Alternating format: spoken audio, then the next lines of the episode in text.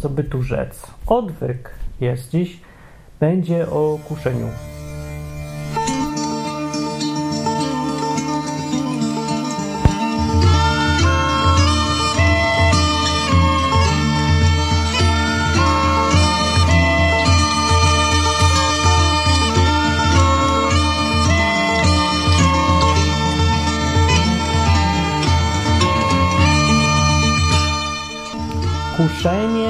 Kojarzy się z diabłem zawsze. Znaczy, jak są się so kusi, od razu myślisz, o, ktoś mnie kusi, żeby coś złego zrobić. Ale nie o tym dzisiaj będzie w odwyku, w programie o Biblii, Bogu i takich sprawach. Dzisiaj będzie bardziej o, o konkretnej, bardzo ważnej, praktycznej sprawie, związanej z Bogiem, strasznie ważnej, w ogóle super ważnej. Bo chodzi o to, o takie kuszenie, które raczej można opisać jako wystawianie na próbę. W Biblii znajdują się takie y, sformułowania i one są często tu też opisywane jako kuszenie. To jest taki synonim. Tylko nie za bardzo wiadomo, wiadomo o co dokładnie chodzi. Więc ja powiem na przykładzie o co chodzi. Co to za kuszenie? Na, no więc pierwsze kuszenie, albo wystawianie na próbę raczej, to było w przypadku Abrahama. To takie takie y, najbardziej spektakularne. Więc przychodzi Bóg do Abrahama i mówi tak, pierwszej księdze Mojżeszowej, 22 rozdział jest tak, że po wydarzeniach, jakichś tam wydarzeniach, wystawił Bóg Abrama, Abrahama na próbę i rzekł do niego: Abrahamie, a on powiedział: Czego? Nie, on powiedział: Oto ja. Nie, to tak naprawdę na pewno powiedział czego, tylko tłumaczę źle przetłumaczyli. Albo inna sprawa z kolei była w drugą stronę, jak wypró wypróbowywał Gedeon Boga. To w Księdze Sędziów z kolei jest taki fragment. Gedeon rzekł do Boga: Niech nie zapłonie gniew Twój na mnie, że jeszcze raz się odezwę, bo już się wcześniej odzywał. Mówi: Niech wypróbuje jeszcze raz na runie to niech tylko runo pozostanie suche, a na całej ziemi wokoło będzie rosa.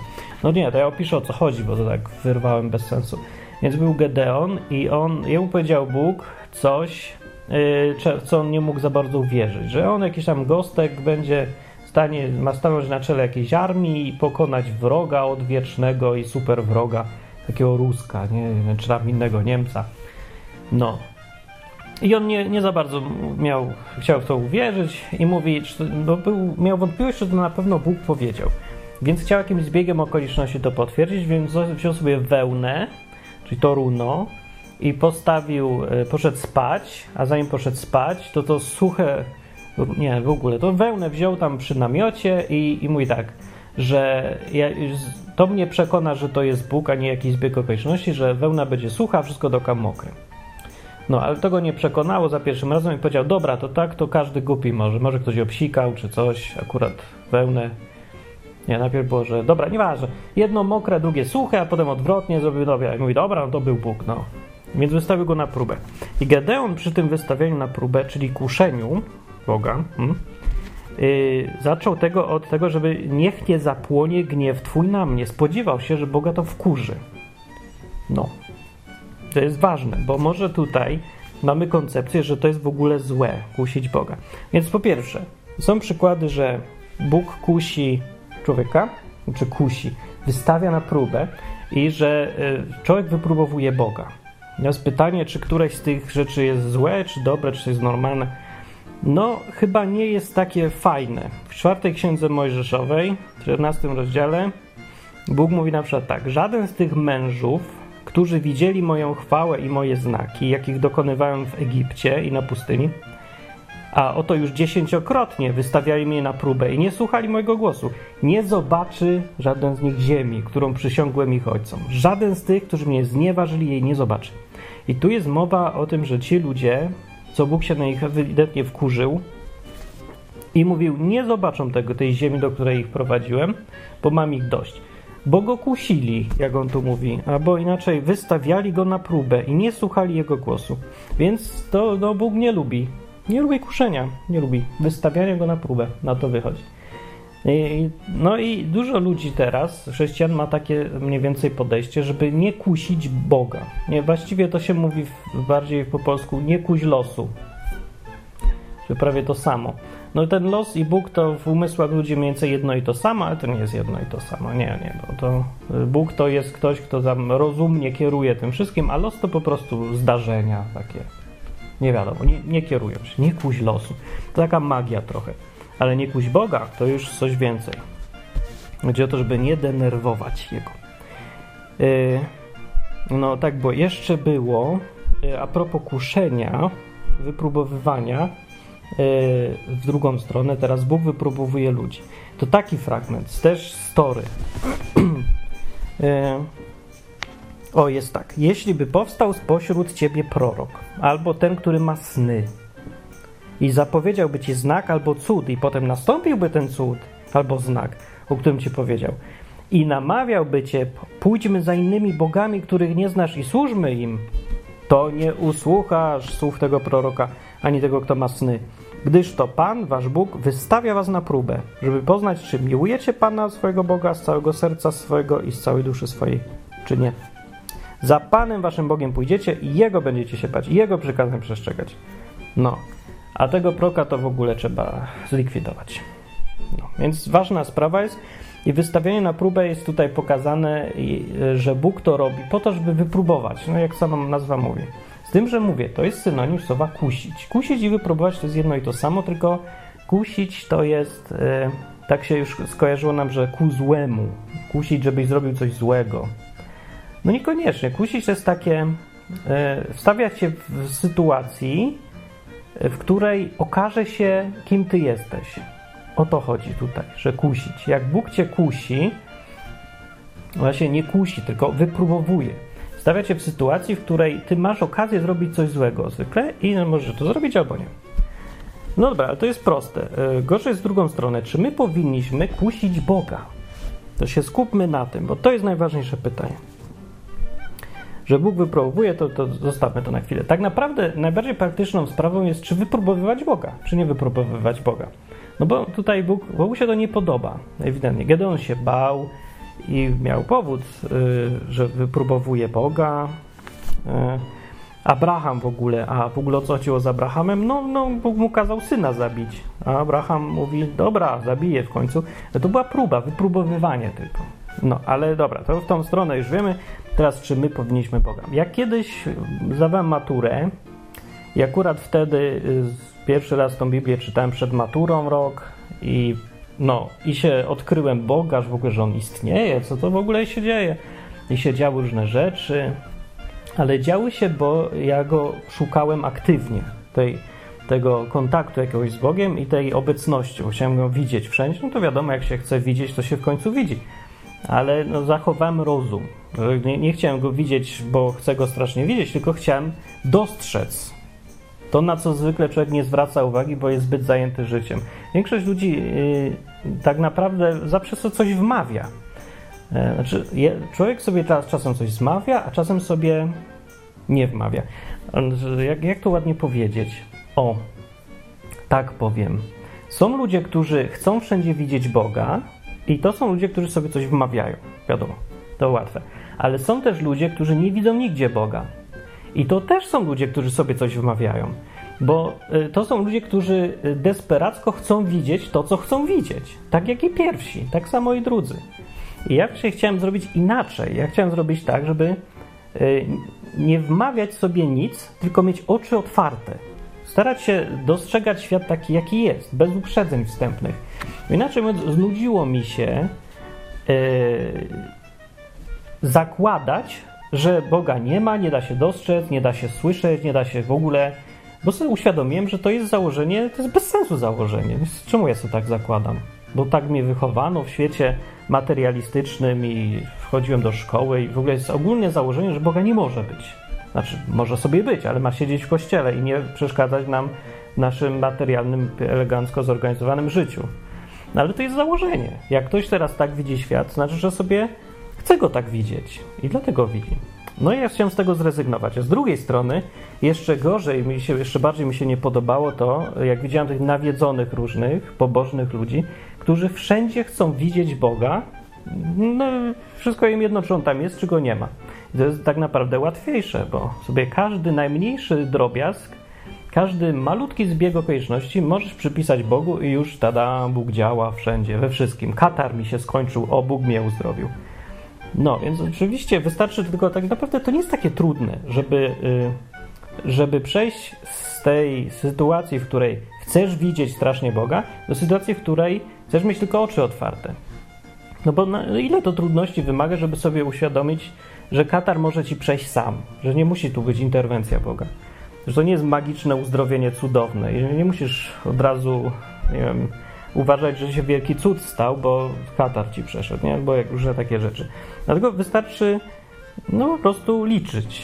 Liczyć, zwyczajnie używać rozumu. To znaczy, jak jest prawdopodobieństwo, które y, jest takie słabe, nie wiem, każdy się, każdemu się katar przechodzi sam, no to widzisz, że to jest mało prawdopodobne, że to interwencja Boga. No ale jak ci się, prawda, masz raka i nagle nie masz i nikt nie umie wytłumaczyć, to trochę już jest dziwny zbieg okoliczności. Jak jest kilka pod rząd i natężenie się zwiększa, no to to już mózg staje. I wtedy często człowiek, który, wtedy jest ta próba. Wypróbowuje Bóg człowieka, według mnie, że w sytuacji, w której e, zbieg okoliczności przeczą statystyce, nie, rachunkowi prawdopodobieństwa, e, do tego stopnia, że trzeba zwrócić uwagę, że coś tu jest nie tak w tym naszym życiu dookoła. Miał być, miał być losowo, a wydaje się, że się wszystko układa w jakąś stronę. No trzeba wyciągnąć wnioski. I tu się decyduje, czy człowiek chce to zauważyć, czy chce mieć zamknięte oczy. No, i sobie decyduje. Większość chce mieć zamknięte oczy, bo przecież to jest wygodnie, a nie teraz wywracać życie do góry nogami i szukać, jaka to siła kosmiczna sprawiła, że rachunek prawdopodobieństwa można wyrzucić do śmieci, bo się zdarzają co chwilę jakieś zbiegi okoliczności, które no, nie są normalne. Nie, nie, nie powinno tak być, a jest. No. Dobra, no to trochę o wypróbowaniu. A teraz pytanie właśnie, to się wiąże z tym, co mówiłem, czy wypróbowywać Boga? Jest. Czy jest dobre, czy nie? No na przykład Jezus co robił? Sprawa z Jezusem była taka, że jego wypróbowywano często i on też jak mówił, że, że go wystawiam na próbę i mu się to nie podobało. Na przykład e, w Łukasza o 10 rozdział jest tak, że pewien uczony w piśmie wystąpił i wystawiając go na próbę powiedział Nauczycielu, co mam czynić, żeby dostąpić życia wiecznego? Tak było. Albo inny tam fragment z Mateusza. Powiedz nam, przyszli do niego znowu jacyś mówi, powiedz nam przeto. Co za tłumaczenie przeto?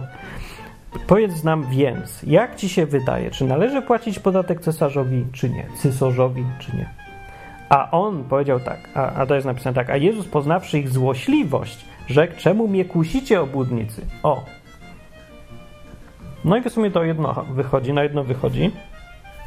To kuszenie y, i wystawienie na próbę to jest to samo. To w jedno tłumaczenie mówi kusi, drugie mówi wystaje na próbę. O to samo chodzi, jak już mówiłem. Y, więc ewidentnie Jezus jest nastawiony źle do tego, że to jest nie tak. A już takie dobitne kuszenie, y, dobitne kuszenie to widać tutaj. E, jak Jezus w ogóle na samym początku działalności poszedł na jakieś pustkowia tam i tam diabeł z nim rozmawiał, może miał halucynacje, może miał zwidy, a może to był diabeł, a może jedno i drugie, dlaczego nie? W każdym razie powiedział tak mu, jeżeli jesteś Synem Bożym, rzuć się w dół, bo napisano, aniołom swoim przykaże o tobie, żebyś nie zranił o kamień swojej nogi. To prawda, cytat samo. A Jezus mu powiedział tak, napisane jest też, nie będziesz kusił Pana Boga swego no to już przesądza sprawę. No jak tak Jezus powiedział, że nie będziesz kusił Pana Boga swego, no to nie kuś Boga. Nie kuś Boga, bo mu się to nie będzie podobało. No, więc yy, jak ja byłem, mówię, bo zacząłem historię, jak zdawałem tą maturę, to y, chodziłem często tak strasznie dużo, czytałem Biblię, strasznie mnie wciągała. Nie, bo tak jak już się raz człowiek, to jest bardzo fascynujące, jak człowiek raz sobie wywali z głowy te swoje uprzedzenia i nagle i stwierdzi, że a, mam otwarte oczy, niech się dzieją rzeczy. To zaczyna się tyle rzeczy dziać. Dostrzega te rzeczy, tak naprawdę one się działy wcześniej, tylko ty niego nie widzisz. Bo sobie wmówiłeś, że świat już jest jakiś, ty wiesz doskonale jaki jest. Tak naprawdę nie masz bladego pojęcia jaki jest świat. Ja nie wiem jaki jest świat. Skąd to człowiek może wiedzieć? My sobie robimy obraz świata W ogóle to po, Polacy też, szczególnie Polacy, nie tylko Polacy, w ogóle wszyscy ludzie, nie? Że słuchasz sobie wiadomości i tam jest jakaś informacja, że o, dotycząca 10 milionów ludzi, nie? Że ludzie, ko, ludzie kochają dzieci, albo ludzie, nie wiem, ojcowie biją dzieci. I ty sobie wyobrażasz, że taki jest świat. Jedna informacja dotycząca milionów ludzi. Ile z tych ludzi znasz? Nikogo. No nie wiem, no nie promil nawet właśnie na tyle mało, że nie możesz mieć bladego pojęcia, co się dzieje w domach. To jest takie nasze zgadywanie. My sobie robimy, upraszczamy rzeczywistość, ona jest tylko w naszej głowie. Albo ludzie przychodzą do mnie co, co chwilę, to się zawsze powtarza i zawsze będzie chyba, że Martin, ale ja nie widziałem żadnych cudów, nie ma już cudów. I przychodzą do mnie i tłuką mi, że cudów nie ma, uzdrowień nie ma, proroc nie ma, nie ma mówienia językami, nic nie ma. To się pytam, skąd wiesz, że nie ma? Ja mówię językami i proroctwa też jakieś słyszałem i się sprawdzały. I uzdrowienia od nich wiem, że takie pewne informacje, bo ja je sprawdzam. Sceptyczny jestem bardzo. Ludzie, mówię, wmawiają od cholery rzeczy. Ale są takie rzeczy. Są zdecydowanie, w ogóle nie ma żadnej wątpliwości. Widziałem, poślę was do pie, w pierniki ludzi, którzy to też widzieli, sami uzdrawiali. Pewnie, że są. Ale ciągle tłum ludzi przychodzi i mówi: Nie ma takich rzeczy. Dlaczego mówią? Bo oni nie widzieli. A dlaczego nie widzieli? No nie wiem, tak się zdarzyło. Po pierwsze, no to dobra, no może nie widziałeś, ale jak się nie zdarzyło, to skąd wiesz, że tego nie ma? E, bo masz zamknięte oczy na własne życzenie, bo już sobie wymyśliłeś, że świat jest taki, jaki ty sobie wyobrażasz, że jest. Nie wiesz, jaki jest. Trzeba zacząć od mówienia: Ja nie wiem, może są, może nie są uzdrowienia. No, się sprawdzę, przekonam, to będę wiedział. Ale żaden z tych ludzi nie był w żadnym kościele, gdzie się takie rzeczy dzieją często. Bo są takie kościoły. Też, no nie kościoły, zwykli ludzie, chrześcijanie się tam pętają po świecie, spotykają w małych grupkach i takie rzeczy się dzieją, nic w tym nie ma dziwnego. Znaczy jest. To nie jest normalne, że ktoś tam uzdrawia nagle z czegoś mu coś odrasta, wszystko jedno. Ale po jakimś czasie życia chrześcijańskiego to już się robi normalne, więc możecie spotkać takich ludzi. Oni są strasznie denerwujący. Strasznie. Sebastian z Lublina przykład jest denerwujący, bądź przychodzi do ciebie i ci opowiada, kogo tam w tym tygodniu Bóg uzdrowił z czegoś. I mówisz, no kurde, jak można? Jakoś tak, dlaczego to jest normalne? No po prostu, a ja wiem, przyszedłem se i tak e, przyszła kobieta, co nie chodziła 20 lat, no nagle wstała. A w ogóle to wczoraj w fajną cukiernię spot, napotkałem. Nie wiem, czy tak mówię o tym normalnie i, i ludzie, i ludzi to denerwuje. Nie wiem, czemu ich denerwuje. Nie, to trochę jest denerwujące, bo to nie, to nie jest normalne, nie powinno być. Nie powinniśmy się przyzwyczaić do tego, że jakieś rzeczy ponadnaturalne są normalne. Bo, bo nie wiem, bo zrobimy się oderwani od zwykłych ludzi, od rzeczywistości i, potem nie będzie można się dogadać. No, może i to normalne. No nie wiem, w każdym razie yy, ważne jest to, więc ja tylko mówię, żeby, yy, żeby uświadomić sobie i upewnić się, o, że to, że ty jesteś pewny, że jest tak albo inaczej, to, że to nie jest tylko w twojej głowie. No, czy masz podstawy solidne, żeby powiedzieć tak? Bo zjeździłeś kupę świata i żyłeś dużo lat i widziałeś to wszystko i dopiero możesz wyciągnąć sobie wnioski. A jak nie, to się nie, nie rób se założeń, po prostu ominie cię kupę rzeczy dookoła ciebie. Nie, to zresztą wszystkiego dotyczy. I pracy dotyczy. Ludzie mają takie mierne prace, mierne życie. I to wszystko dlatego, bo sobie coś ubzdurali w głowie, że ja, ja mogę tylko pracować na zmywaku. Dlaczego? Może być dyrektorem, no wszystkim może być. Możesz być milionerem, jak chcesz. To jest w twojej głowie. No, wymaga wszystko pracy i wysiłku i tak dalej, no ale po latach tego można przejść ze zmywaka do bycia szefem y, milionowej firmy i to nie jest takie dziwne wcale. Mówię, wszystko o tym, ten świat. No dobra, wracając do tematu, yy, o kuszeniu, bo to ważne. Więc jak ja bym, no nie skończę tej historii, ciągle dygresję robię, przepraszam bardzo, ale one są ciekawe, myślę.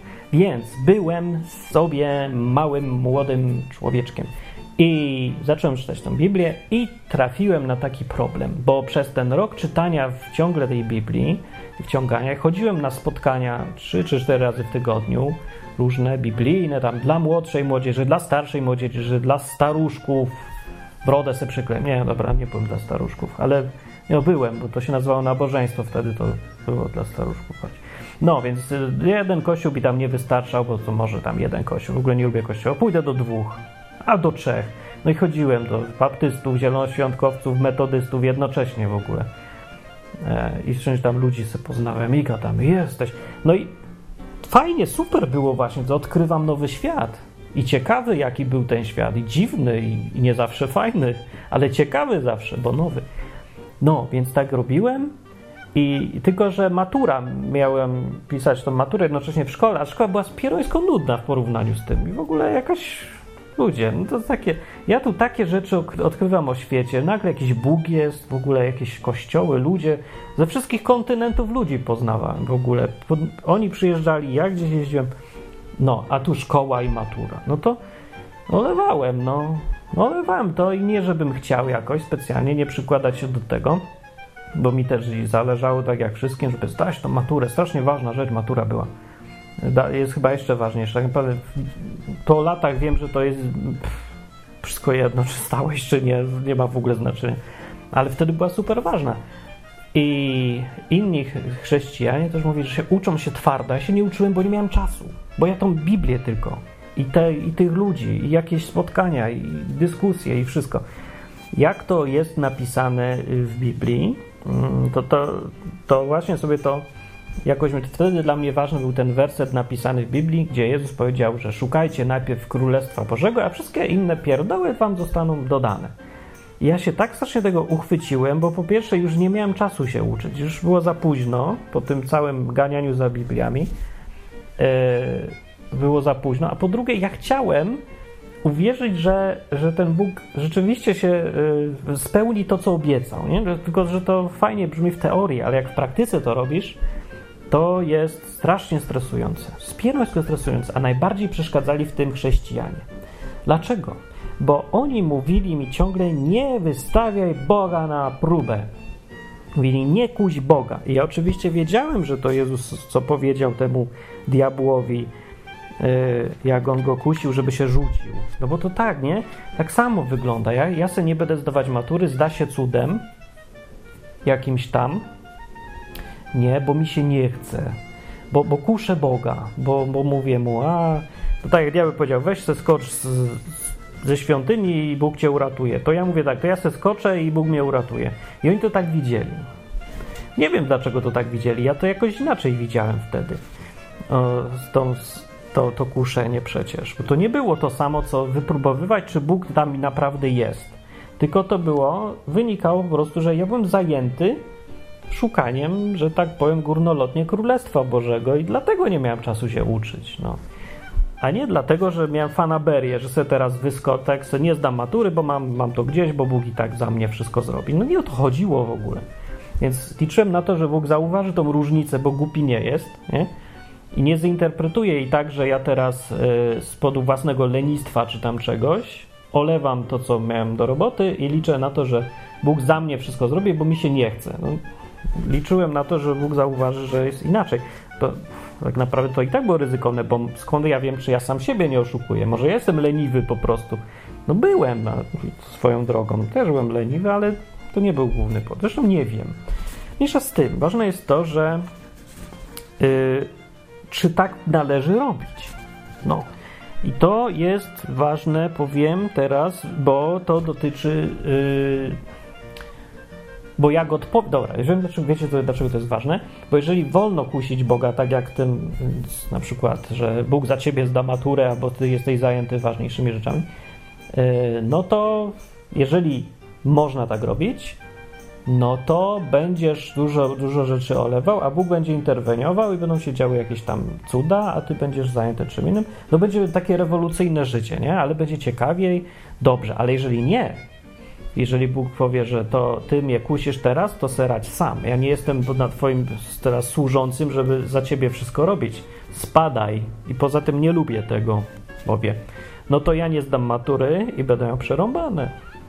Poza tym wyjdę na idiotę wobec wszystkich chrześcijan, którzy mi kulturalnie i dobrotliwie tłumaczą, że Martin nie kuś Boga.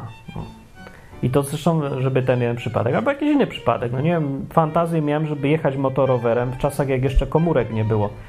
I ten motorower to tak trzeba było co 50 km świecę wyciągać i czyścić, bo się zabrudziła i stawał. No czymś takim jechałem sobie, z Krakowa do nadmorze, do Gdańska i z powrotem sam. Tak se po prostu, tak w ogóle ryzyk, ryzykując jakoś.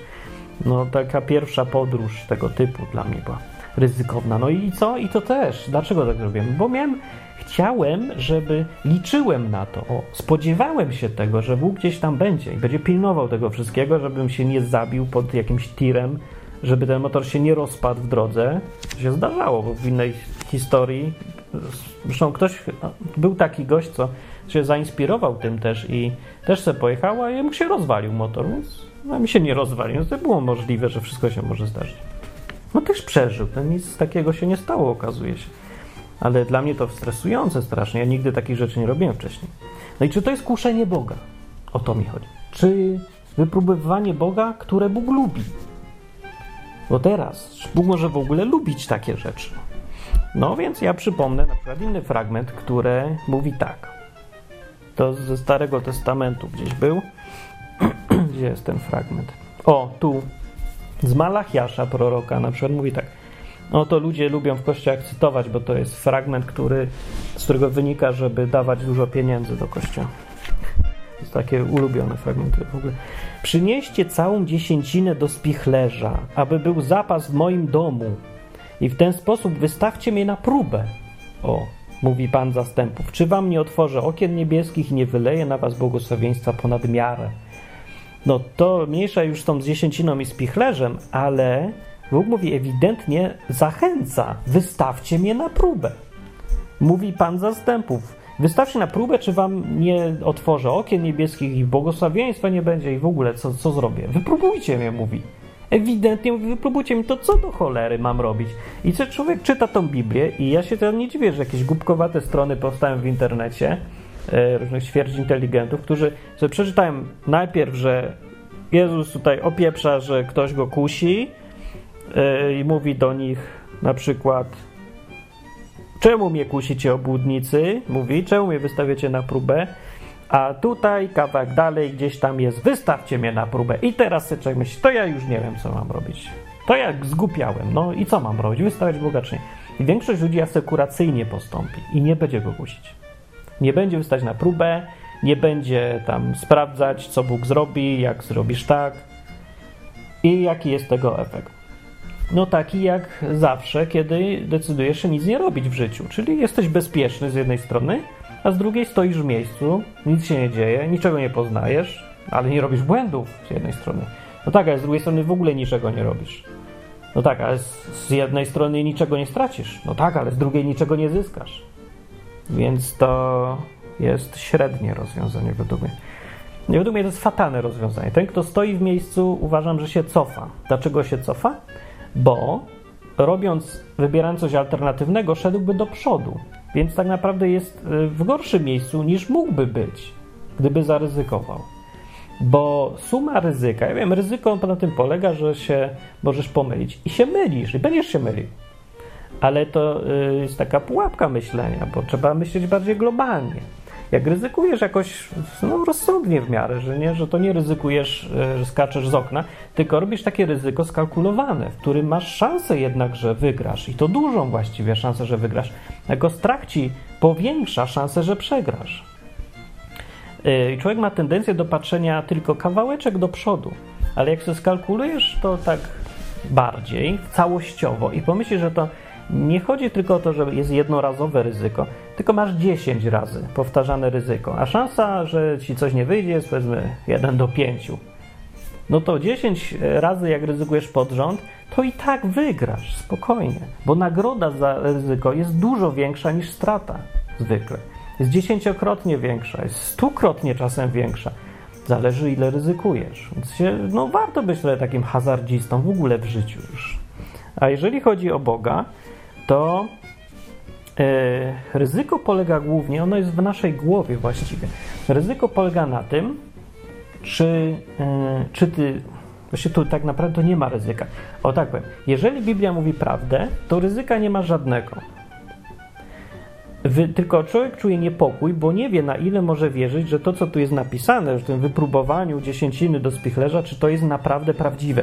Gdyby człowiek był przekonany, że to jest zdanie prawdziwe, że przynieście tą dziesięcinę, że tam do spichlerza, czy róbcie to, czy tamto i wystawcie mnie na próbę. I zobaczycie, że wam otworzę te drzwi nieba, czy nie. Jakby człowiek był pewny, że tak jest, to by ryzykował spokojnie. To by w ogóle się nie przejmował, że żadne ryzyko. Przecież mam pewne. To tak jak pewne jak bank, nie? Dajesz pieniądze do banku. No trzymamy te pieniądze w banku. Jakbyśmy byli pewni, że ich stamtąd nie możemy wyciągnąć kartą płatniczą, że nie możesz teraz iść do bankomatu i wypłacić, to byśmy tam nie trzymali, prawda? Więc jeżeli ktoś Boga traktuje jak bank, to w ogóle się nie będzie przejmował. To nie jest dla niego ryzyko. A jeżeli go traktuje jak nieznajomego skądś tam, którego zamiarów nie znamy i jego możliwości nie znamy, no to będzie czuł, że to jest ryzyko. No, to już każdy musi sam. Ale wracając do najważniejszego pytania, czy to kuszenie Boga jest złe, czy jest dobre? Trzeba to jakoś rozróżnić, bo mamy tu jakąś pozorną sprzeczność. Na pierwszy rzut oka jest sprzeczność i teraz zobaczymy, czy na drugi też jest sprzeczność dalej. Bo może Biblia jest głupia i nie wie w ogóle o co jej chodzi. A może po prostu trzeba to bardziej zrozumieć. Czym się różni jedno kuszenie od drugiego? No to jest to samo słowo, wyrażenie używane przecież. Jezus mówił, że go kusili, jak mu kazali y, mówić o podatku i że i się na to wkurzał. Mówił, że szatan go kusił, bo mu każe skakać z wysokości, czekać na anioła.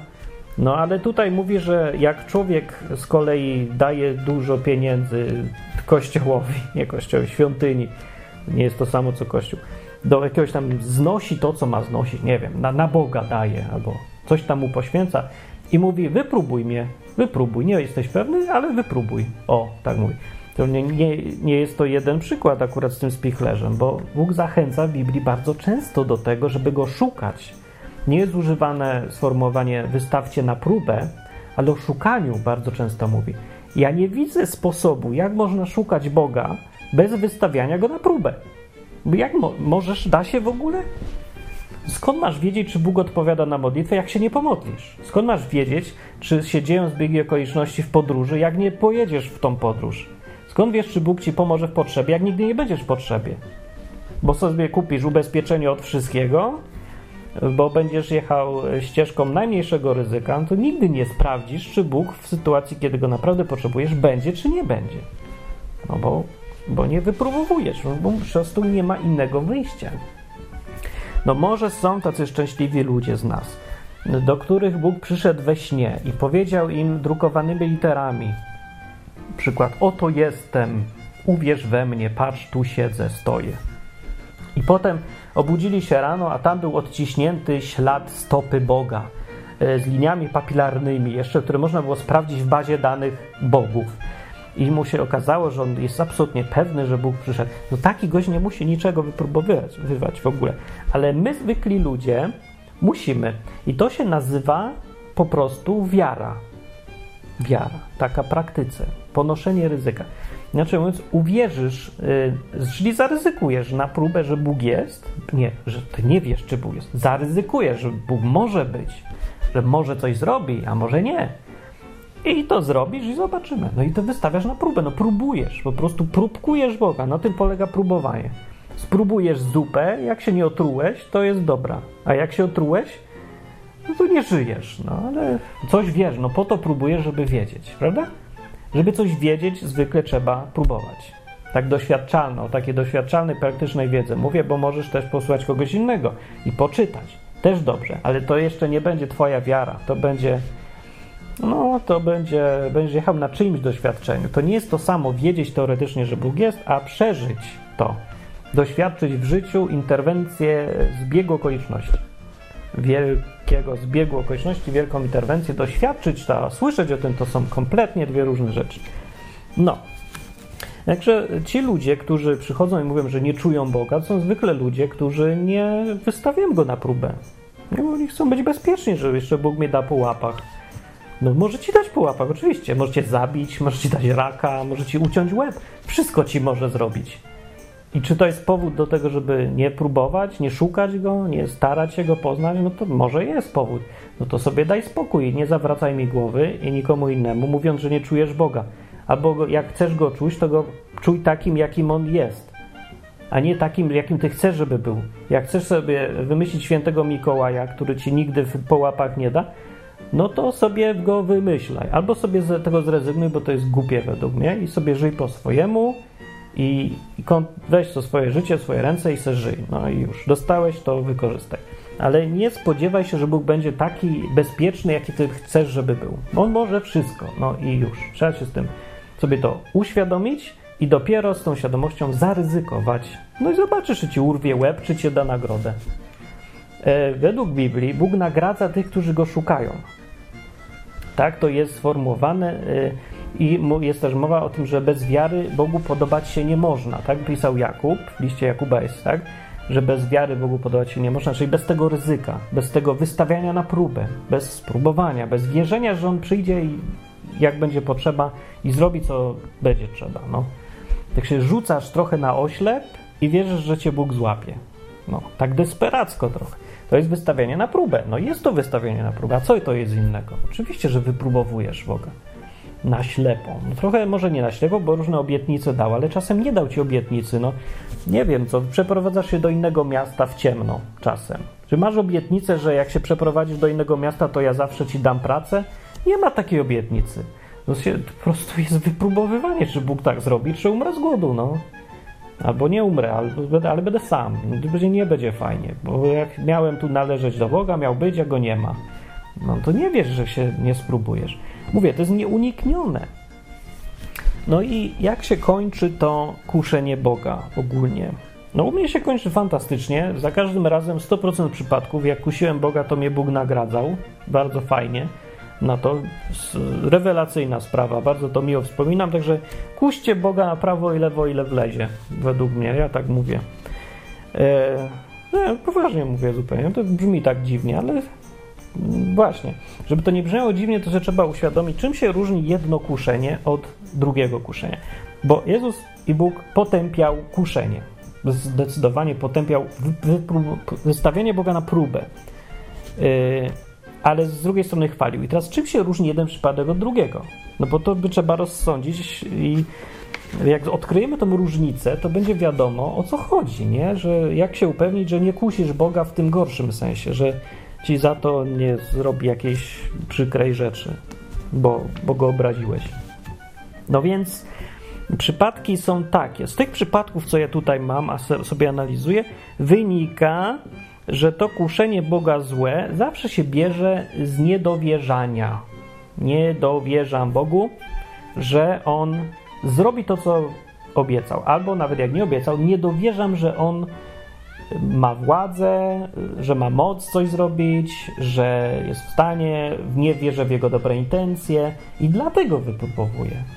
To jest obraźliwe wypróbowywanie, bo to jest takie, e, no, jest taki sposób wystawiania na próbę kogoś, w którym dajesz mu w twarz, bo mówisz, że ja wcale nie wierzę, mówisz przez to, wcale nie wierzę, że jesteś w stanie, jak idziemy po pustkowiu, zapewnić nam jedzenie.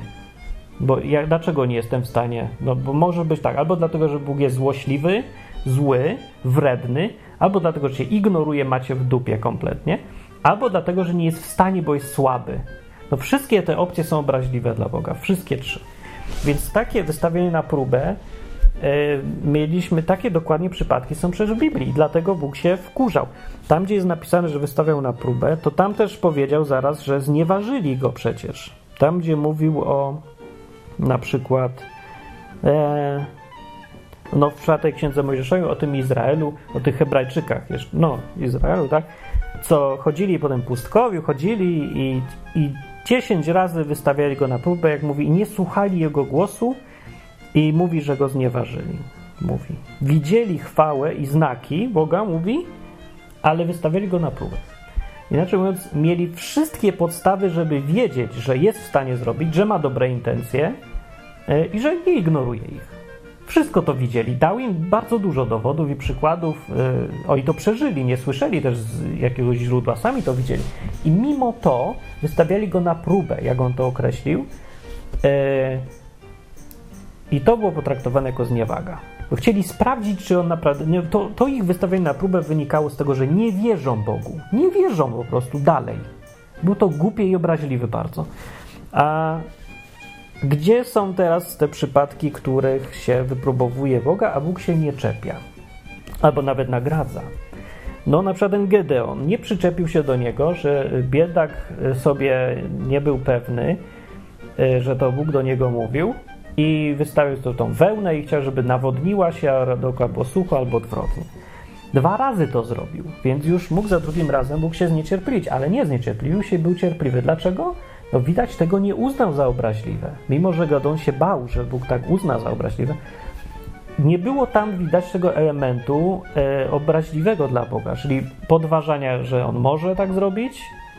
No nie podważał, że może zrobić, bo właśnie się e, poprosił Boga, wypróbował, czy jest w stanie zrobić jakąś rzecz trudną do zrobienia. Więc wiedział, że to jest możliwe. E, nie było tutaj niedowierzania jakiegoś, nie dowierzał, nie było niedowierzania w intencje Boga, że jakieś złe ma, że nic obraźliwego, inaczej mówiąc, w tym nie było.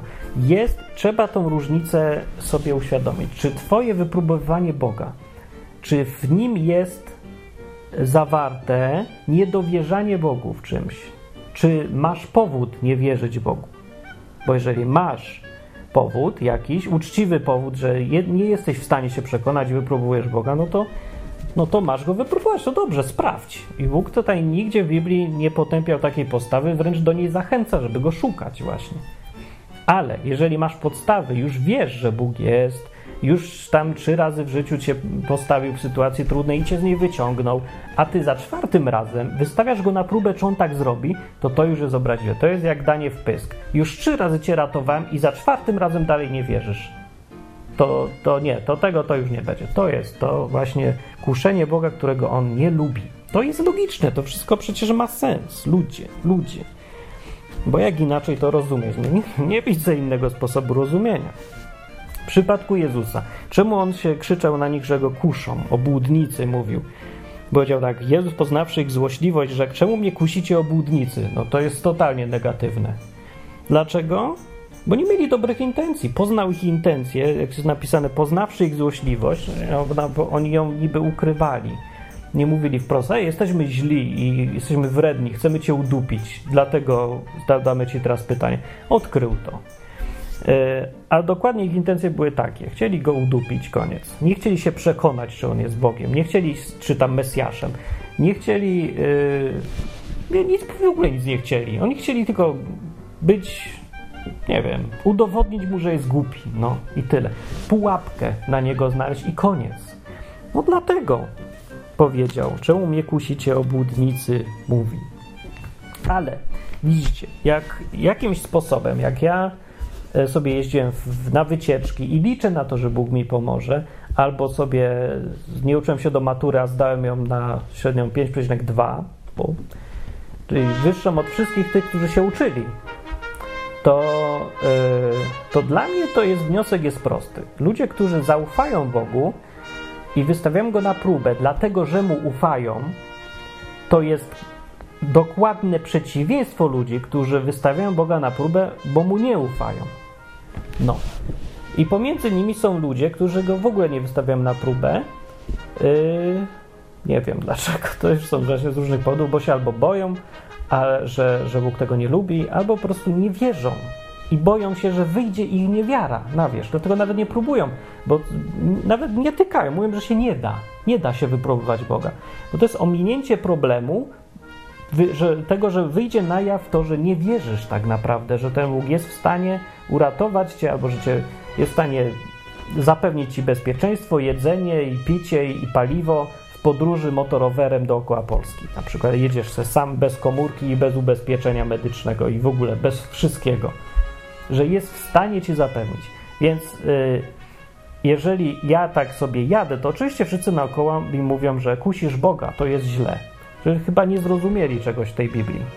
Nigdzie nie ma w Biblii przypadku takiego kuszenia, y, które by Bóg potępił. Przecież to kuszenie wynika z tego, że ja mam zaufanie a nie, że nie mam zaufania. To nie jest to samo, co jak tam Hebrajczycy, którzy widzieli wszystkie cuda, podważali to, że Bóg może coś zrobić. Przecież to jest w ogóle przeciwieństwo tego. Także kuszenie Boga albo wystawienie Boga na próbę to jest synonim wiary. No przynajmniej w takiej wersji, o której ja tu teraz mówię. Więc to oczywiście róbcie na prawo i lewo. Nigdzie niech wam nikt głupot nie opowiada, że to jest wystawienie Boga na próbę, bo to oczywiście jest wystawienie Boga na próbę, tylko człowiek pomylił dwie różne rzeczy. Jest dobre wystawienie Boga na próbę, które Bóg lubi, zachęca sam do tego, do aktywnego wystawiania Boga na próbę.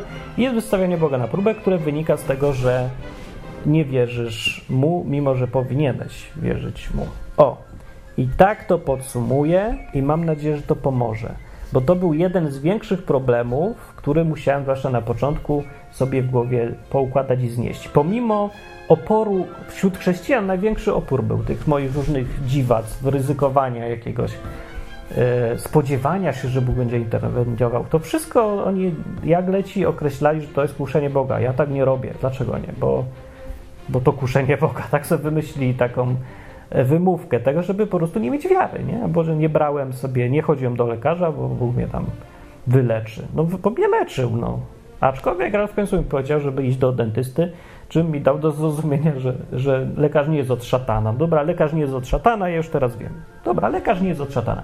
Ale postawa, w której ty wierzysz Bogu bardzo, jest honorowana przez Boga. Przecież to jest oczywiste z Biblii. Co się Bogu bardziej podoba niż ryzyko dla Boga, wiara właśnie dla Boga? To jest dokładnie to. I to jest wypróbowywanie Boga. Bardzo pozytywna rzecz. Nie mamy poza tym innego wyjścia, bo szukamy Boga na ślepo. Przecież jest oczywiste zupełnie, że Bóg to jest nasz niewidzialny przyjaciel, że nie widzimy go, nie masz telefonu, nie wiesz, czy jest tak naprawdę nigdy, nie, nie, nie jest taki dotykalny. To jest takie ktoś, kto się ukrywa jednak, nie? I on się ukrywa, i żeby, żeby tam go znajdę, to go trzeba szukać, bawić się z nim trochę wchowanego. Yy, po co tak jest zrobione? No pewnie po to, żeby właśnie człowiek był zmuszany do tego ryzyka. Bóg lubi to ryzyko nasze, to wypróbowanie go i nagradza ludzi. Jak będziecie słuchać jakichś historii różnych ludzi, zwłaszcza chrześcijan, to zwróćcie uwagę, że ci, którzy najdalej zaszli, naj, najwięcej cudów jakichś widzieli, naj, najfajniejsze życie mają z tym Bogiem, tacy szczęśliwi, to są ludzie, którzy najbardziej ryzykowali. To są ludzie, którzy najczęściej wystawiali tego Boga na próbę. Na wszystko na jedną kartę stawiali. Albo którzy nie bali się sprawdzić, czy Bóg będzie działał, czy nie będzie działał. To są tacy ludzie. Natomiast ci, którzy tego nie robią, to są takie zwykłe chrześcijańskie kościelne miernoty. Oni sobie spędzają swój czas yy, bardzo wygodnie, leżąc na wersalce. To też tak jak ja teraz leżę na wersalce, yy, bo nie jestem na przykład w podróży dookoła Polski, bo akurat nie wpadłem na to, żeby wziąć i wypróbować Boga, ale będę musiał, bo, bo już czuję, że, że się zmieniam w jakąś tam miernotę chrześcijańską bardzo mi się to nie podoba, więc jakiś czas czuję potrzebę, że po prostu tak trzeba, wbrew sobie. Nikt nie lubi tego właściwie, ryzykować jak może leżeć. No. Wiem, to jest trudne. No dobra, jest trudne. No jesteśmy od tego, żeby się zachęcać do tego teraz, a nie potępiać za to, że ci brakuje odwagi czy tam czegoś.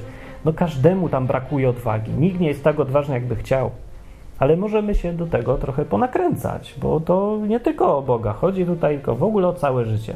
Wypróbowywanie różnych rzeczy, ryzykowanie to jest coś, dzięki czemu możemy być dalej niż jesteśmy, zrobić więcej, żyć ciekawiej, może być fajniej. Tylko tak. No. Także ja mówię, wypróbowywuj Boga. Kuś go, kuś go, dużo, kuś go, kuś go. Znaczy, mam nadzieję, że po tym odcinku wiadomo, co macie, na, co mam na myśli ja, jak mówię, że kuś Boga. Kuś Boga. E, Boga. Nie, to nie brzmi dobrze. Bardziej wystawiaj Boga na próbę. O, dobrze, dobrze. To był odcinek o kuszeniu. Mówił Martin. Pa!